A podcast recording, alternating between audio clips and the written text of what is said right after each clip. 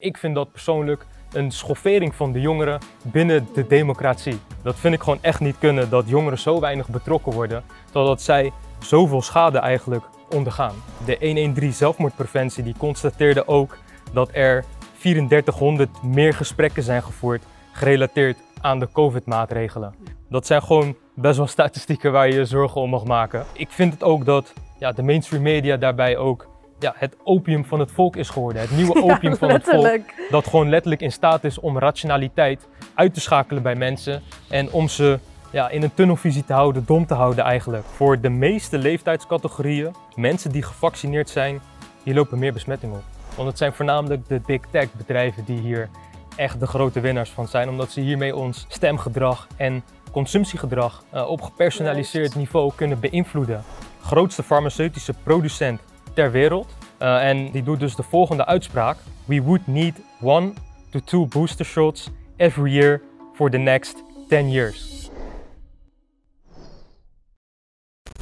Hallo allemaal. De afgelopen maanden hebben we ons met enorm veel passie ingezet om het platform Next op te kunnen zetten en om een eerlijk geluid te kunnen bieden.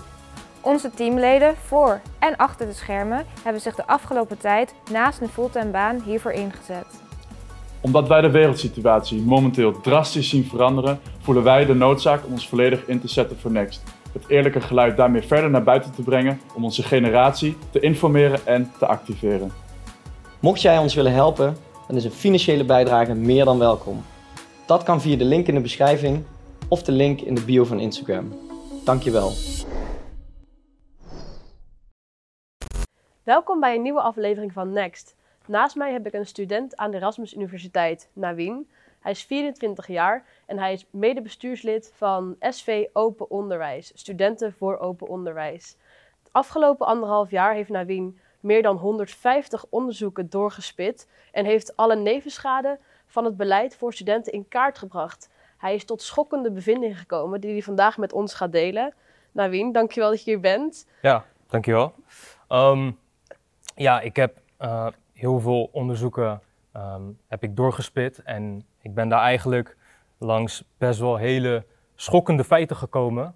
Um, ja, waar eigenlijk heel weinig mee gedaan wordt. Want momenteel zien we eigenlijk dat weinig studenten uh, echt in verzet zijn gekomen tegen de maatregelen. De laatste ja. uh, weken, de laatste maand zien we wel echt steeds meer studenten die zeggen van maar nu gaat het echt te ver met het komende 2G-beleid wellicht of ja. de vaccinatieplicht eigenlijk de Q introducering van de QR-code op scholen, hogere scholen. En daar wilde jij graag iets over vertellen vandaag. Ja, als eerst um, waarom ik dit eigenlijk allemaal ben begonnen, is misschien wel uh, goed om te weten. Um, kijk, ik zelf als student die botste tegen best wel veel maatregelen, die met name niet altijd logisch waren voor mij. En heel veel maatregelen die hadden ook heel veel ingrijpende impact op mijn vrienden, van mijn medestudenten. En ja, dat, dat zorgde eigenlijk ervoor dat ik gewoon meer antwoorden wou weten. Een jaar, anderhalf jaar geleden ben ik um, begonnen met uh, een onderzoek ernaar, naar al die nevenschade die de maatregelen hebben veroorzaakt in het onderwijs en voor jongeren. Ja. En ik wou daar dus een documentaire van maken. Um, ik ben daar langs geweest bij een aantal jongerenorganisaties, bij uh, de Nationale Jeugdraad, bij Young 10. Um, maar die wouden uh, helaas niet meewerken. En daardoor heb ik er eigenlijk vrijwel weinig niks mee gedaan. En ja, toen eigenlijk um, ja, de coronapas dreigde ingevoerd zou worden in het hoger onderwijs, toen kreeg ik van heel veel studenten eigenlijk signalen van dat ze dat echt gewoon niet leuk vinden. Nee, dat... En toen begon het balletje bij mij weer te rollen van ja. nu moeten al deze statistieken en feiten, die moeten gewoon echt in de media komen. Want... want... het is nogal wat natuurlijk, want studenten kwamen allemaal thuis zitten, hebben maandenlang thuisonderwijs gehad. Ja. Uh, mochten niet meer uit, mochten niet meer naar sociale events. Nee. Studenten die nu geen QR-code meer hebben, mogen niet naar sportscholen. Um, Klopt. Mogen niet meer naar sociale ja. bijeenkomsten. Dus het is nogal wat. En de media is eigenlijk muisstil hierover. En ook toen jij natuurlijk hier uh, aankaartte dat je een documentaire wilde maken, bleef het ook stil. En dat vind ik ja. echt, echt schokkend. Ja, dat is uh, helaas de waarheid. Um, en daaraan nog toevoegend is dat er 26 hele belangrijke organisaties in Nederland Um, die vinden ook dat het beleid gewoon anders moet, omdat er enorm veel nevenschade plaatsvindt in het onderwijs mm -hmm. en onder jongeren. Om een paar van die organisaties uh, op te noemen. Um, ja, het Mind Landelijke Platform Psychische Gezondheid, de Nederlandse Vere- Vereniging voor Psychiatrie, eh, Jeugdartsen Nederland, de Nederlandse Vereniging van Pedagogen en Onderwijsdeskundigen, Landelijke Huisartsenvereniging. Ja, dat zijn toch wel organisaties die toch wel iets serieus te vermelden hebben, waar echt heel weinig mee gedaan wordt. Ja, dus En- ze geven allemaal aan dat dit echt heel veel schade oplevert Ja. bij eigenlijk de jongere generatie, jongvolwassenen. En er wordt dus Zeker. niks mee gedaan. Eh, jij hebt een aantal dingen uitgezocht, wat eigenlijk Klopt. jouw eh, hoofdbevindingen waren van jouw onderzoek. Ja. Zou je dat willen delen? Zeker. Ja, ik heb dus via de Nationale Jeugdinstituut en een paar andere eh, onderzoeken heb ik eigenlijk al die nevenschade in kaart gebracht. Ja, daar kwamen best wel schokkende statistieken uit. En bijvoorbeeld bij de fysieke gezondheid. Daar zie ik echt dat daar enorme veranderingen in hebben plaatsgevonden voor jongeren. Heel veel jongeren die zijn gewoon veel minder gaan sporten. Eh, de leeftijd 5 tot 12 jaar die is 37% minder gaan sporten. 13 tot 18 jaar 44% minder. En 19 tot 30 jaar eh, zelfs 46% Ja. minder gaan sporten. Ongelooflijk. Ja, En ik weet nog, eh, in de eerste lockdown, ik woonde toen in een studentenflat, eh, de sportscholen waren dicht, maar ook als je buiten aan het sporten was met meer dan twee of drie personen, kreeg je een boete van 390 euro. Ongelooflijk. Dat slaat inderdaad helemaal nergens op. En je ziet ook dat bij heel veel kinderen ook het gewicht toeneemt. Bij 20% van de kinderen is bijvoorbeeld het gewicht toegenomen. En onder de kinderen die al overgewicht hadden, is dat zelfs 40%. Zo. En ja, je ziet ook dat studenten daar ook hun gedrag aan gaan aanpassen. Mhm. Ehm, vier van de tien studenten die geeft aan dat zij meer verdovende middelen zijn gaan gebruiken door de maatregelen. Ja, ongelooflijk. Het is echt heel Ik hoor bizar. het ook heel veel om me heen dat mensen nu echt thuis eh, feestjes houden. En ook heel Ja. vaak, omdat ze eigenlijk geen uitlaatklep meer hebben. En dat er ook vaak wel echt drugs bij komt kijken. Dus dat kan niet bevorderlijk zijn voor de volksgezondheid. Nee, zeker niet. En je ziet bijvoorbeeld ook dat een vijfde van de 8000 ondervraagde studenten die hebben aangegeven om meer alcohol te gaan nuttigen. Nou ja, eigenlijk ook denk ik door de uitzichtloosheid en eigenlijk de ellende waar ze mee te maken hebben, is het natuurlijk heel prettig om je te verdoven en eh, niet meer zorg te hoeven maken over eigenlijk alles wat er om je heen gebeurt. Ja, en wat met deze eh, schade eigenlijk gebeurt, is dat juist ehm, het doel wat de overheid wil bereiken, dus dat zij de gezondheid eh, willen ja, verdedigen, om het zo te noemen, je ziet juist dat die verder wordt aangevallen. Ehm, je ziet dat Ja. de onderwijsprestaties die lijden er juist onder op het moment dat er minder wordt bewogen. En eh, je ziet ook dat bijvoorbeeld de kans om eh, COVID op te nemen of om op de IC te komen, dat dat juist toeneemt. Minder sporten en overgewicht kan nooit bevorderlijk zijn voor de volksgezondheid. En dat zien we Nee. eigenlijk in heel veel maatregelen. Zeker. Dat mensen zich echt nu gaan afvragen van dit kan toch niet meer om gezondheid gaan. Nee, en ik denk dat het ook heel goed is dat steeds meer mensen zich dat gaan afvragen. En dat ook ehm, ja, kritische artsen, maar ook influencers, dat zij gewoon echt hun stem gaan gebruiken. Ja. Om bijvoorbeeld echt af te vragen van of het wel goed is dat bijvoorbeeld een corona-toegangsbewijs voor sportscholen, voor zwembaden gelden. Of dat de sportscholen nu om vijf uur sluiten. Ja. Eh, ik denk dat het echt goed is als iedereen zijn stem daarvoor gaat gebruiken. ja, we zien natuurlijk steeds meer mensen die iets durven over te zeggen. Wat influencers, ook Ja. wat grote namen zoals Duitse Kroes, Kim Veenstra. Ja. Maar de massa blijft nog stil. Terwijl wat hier nu gebeurt, dit kunnen we toch eigenlijk niet accepteren met elkaar. Nee, dat is zeker waar. En je ziet dat het niet alleen blijft bij fysieke schade. Het gaat door bijvoorbeeld ook op mentale schade. Ehm, eh, uit een peiling van één vandaag ehm, werd er dus aangegeven dat ehm, heel veel jongeren zich, dat zij moeite hebben om ook iemand te vinden om hun zorgen mee te delen. Ja. En dat leidt dus bijvoorbeeld dat er 55% meer eenzaamheid is, 54% meer stress, eh 54% meer concentratieproblemen, Ja. 49% meer somberheid, eh 41% meer eh, slapeloosheid. Dat zijn gewoon best wel statistieken waar je je zorgen om mag maken. Dit is echt wel schokkend. Ja. En ik denk ook dat het een deels te maken heeft met de dwang die wordt uitgeoefend, eigenlijk ook op de jeugd, op de jongeren, Ja. op jongvolwassenen, om je maar te laten vaccineren, om die QR-code Ja. te nemen. En het zorgt natuurlijk voor heel veel spanningen binnen gezinnen, binnen vriendengroepen.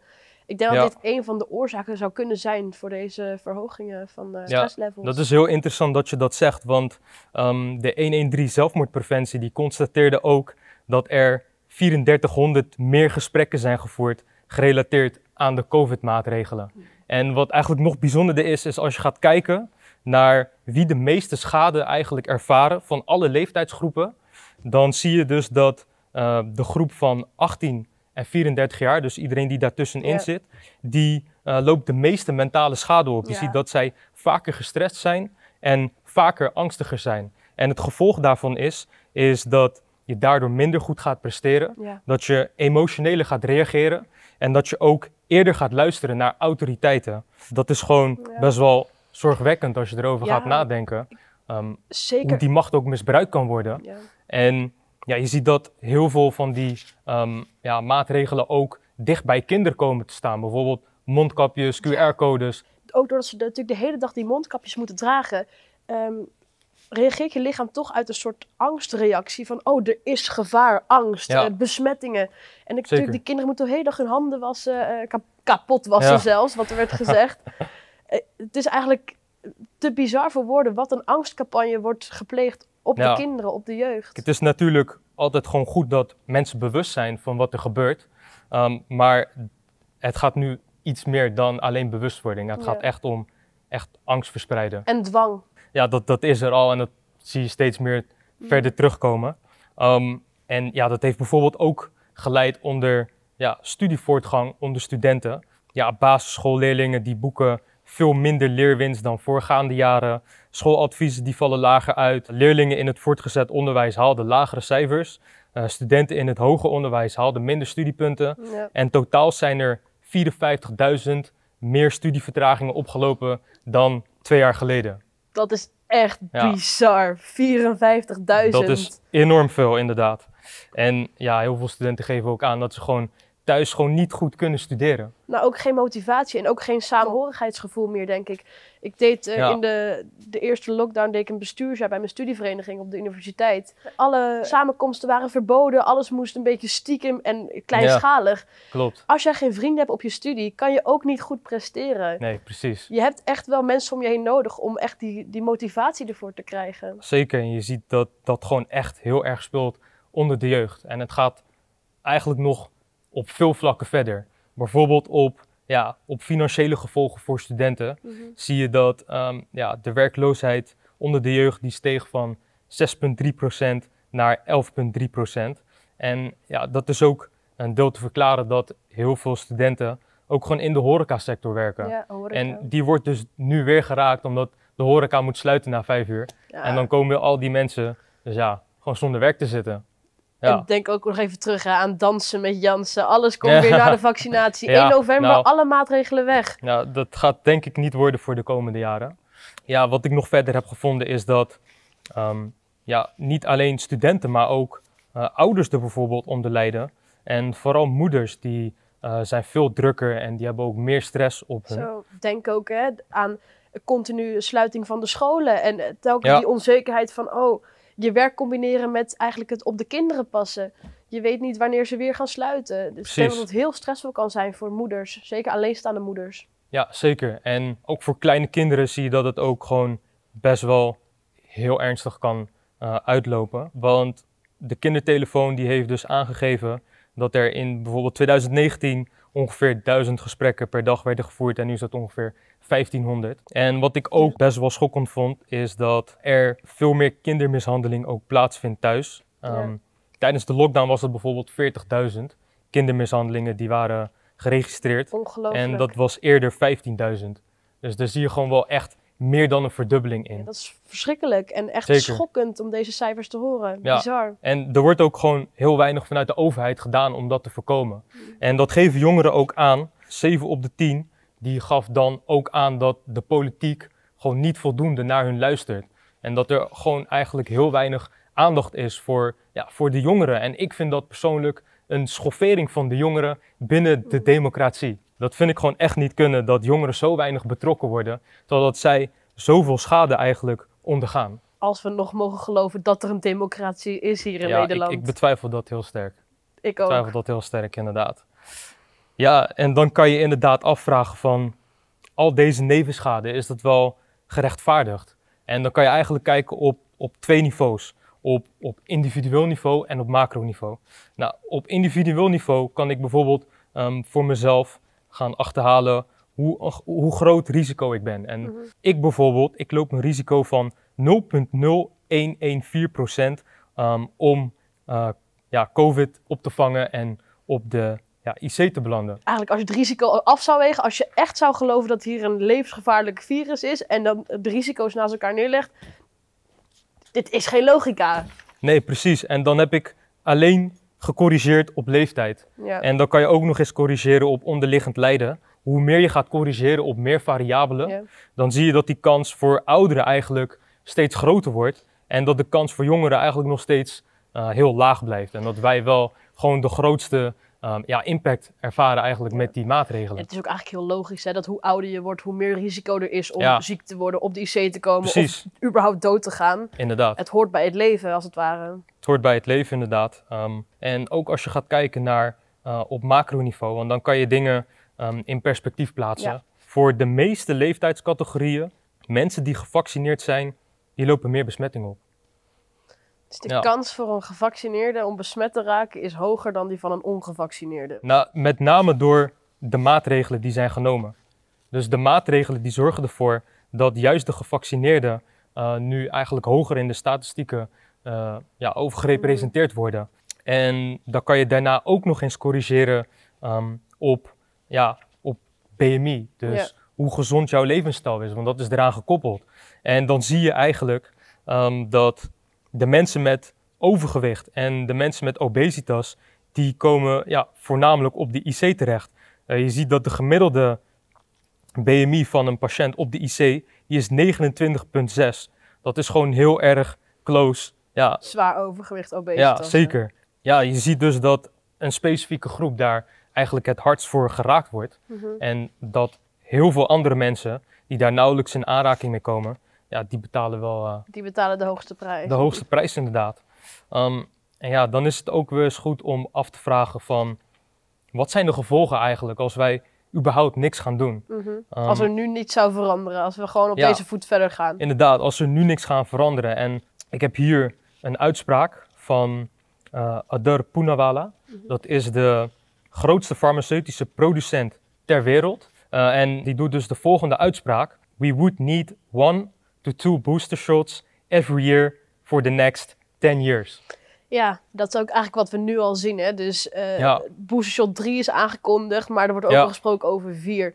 Dus iedereen die dacht dat het over één of twee injecties ging en dat het daarna klaar zou zijn. Dit is dus eigenlijk een, een agenda, een plan, eh, waarbij ieder mens eigenlijk één tot twee keer per jaar geïnjecteerd zou moeten worden. Ja, en ik ben gewoon heel erg bang dat het alleen met vaccineren, dat dat niet gaat helpen. Nee. En dat er nog steeds verdere, ingrijpendere maatregelen gaan komen die ja, ons gedrag op gepersonaliseerd niveau kunnen aansturen. Je ziet eigenlijk al dat die maatregelen ehm, steeds verder gaan en ook heel psychologisch eh, inspelen. Wat je ziet is dat de overheid eigenlijk heel eh, slim hierop inspeelt door steeds een stapje eh, verder te gaan naar die basisbehoeftes Mhm. om eh, het, ja, het, het leven steeds moeilijker te maken. Dan zie je dat er nu op de semi-essentiële plekken, dat daar ook een QR-code gaat komen. Of die is er al eigenlijk. Mhm. Dus voor de sportscholen, voor de zwembaden. En ik ben bang dat ze ook richting eh, ja, de laatste basisbehoefte gaan. En dat is ja, de fysiologische basisbehoefte. Eh, dus bijvoorbeeld voedsel. Ehm, dan kan het zomaar dus kunnen zijn dat wij een QR-code ehm, kunnen verwachten bij de supermarkt. Maar je ziet het voor. bijvoorbeeld al in eh, Oostenrijk, in eh, Duitsland is een vaccinatieplicht eh, afgekondigd. Dat zal gepaard Ja. gaan met de QR-code uiteraard. Ja. Dus dat betekent eigenlijk dat dit wel op de planning staat. En dat dus eigenlijk die QR-code voor eh basisbehoeften als supermarkten, voedsel, dat dat er wel gaat komen. Ja, en ik denk dat heel weinig jongeren weten hoeveel dit testbeleid eigenlijk kost. Een woordvoerder van het ministerie van Volksgezondheid, die heeft dus gezegd dat het testbeleid ruim 185 miljoen euro per maand Per kost. maand. Per maand Dus alleen het al. zijn miljarden euro's Het die naar zeker testbeleid gaat. En Miljarden die- euro's. En die ook in de zorg gaat. gestopt hadden kunnen worden, mocht dat het Zeker. probleem zijn geweest, de IC-capaciteit. Zeker. En wij zijn wel de generatie die dus moeten ophoesten voor al die schulden die er nu gemaakt worden.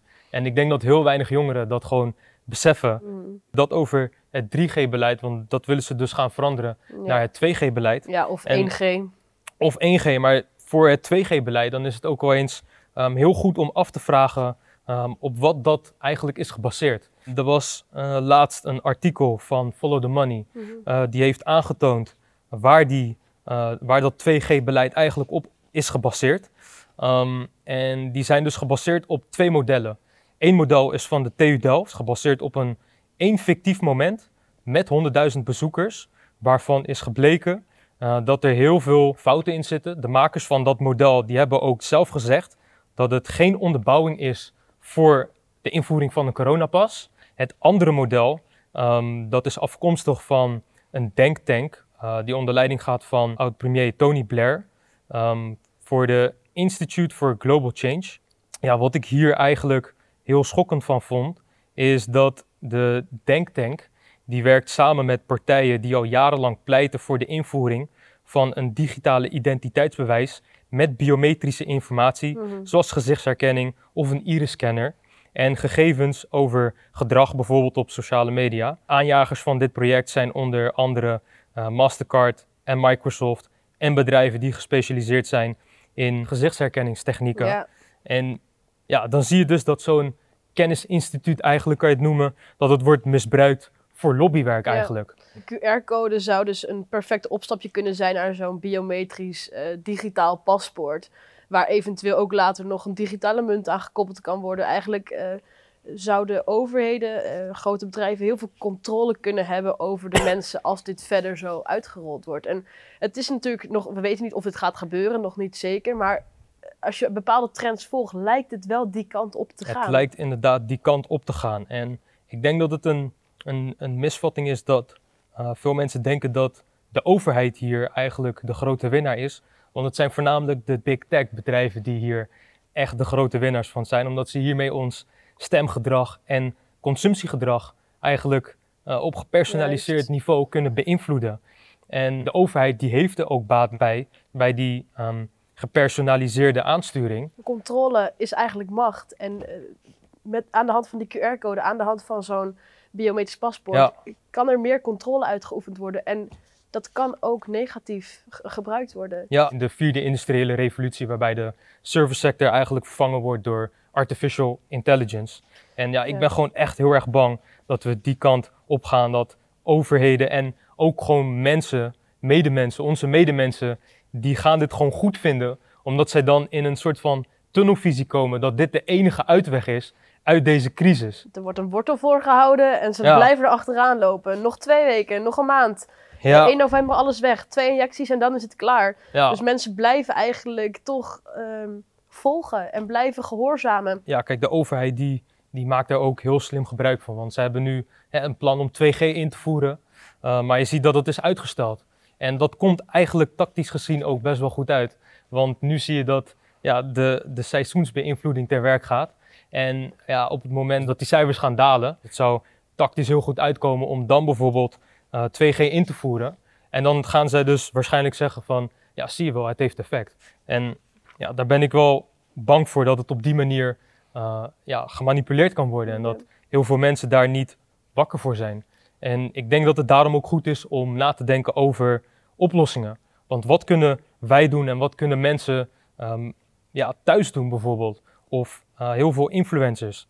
Kijk, ik spreek zelf over een ideologische oorlog eh, die gevoerd wordt via de media.